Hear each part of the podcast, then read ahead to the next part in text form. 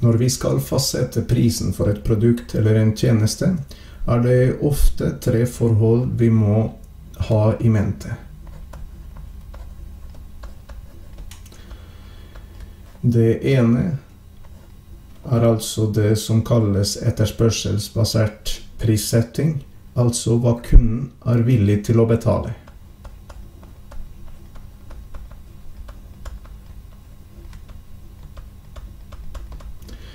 Nummer to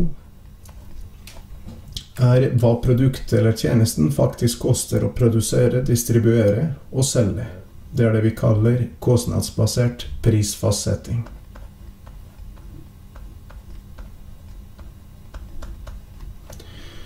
Og det tredje er hva alternative konkurrerende produkter og tjenester koster.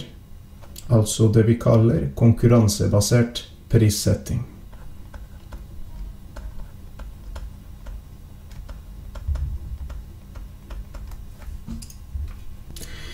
Husk også at det er mye psykologi når det gjelder priser, og spesielt i forhold til etterspørsel og konkurranse. Det er f.eks. lettere å miste et salg ved å øke prisen enn det er å øke salget ved å redusere prisen. Rett og slett fordi kunder er generelt mer sensitive for en tilsynelatende stigning i pris enn en tilsvarende nedgang i pris. På samme måten er prislappen eh, ofte en hjelp for kundene til å bedømme.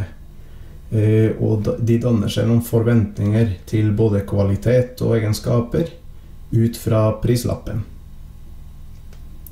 Og det fins også en nedre prisgrense hvor, eh, hvor, prisen kan være uakseptabelt lav.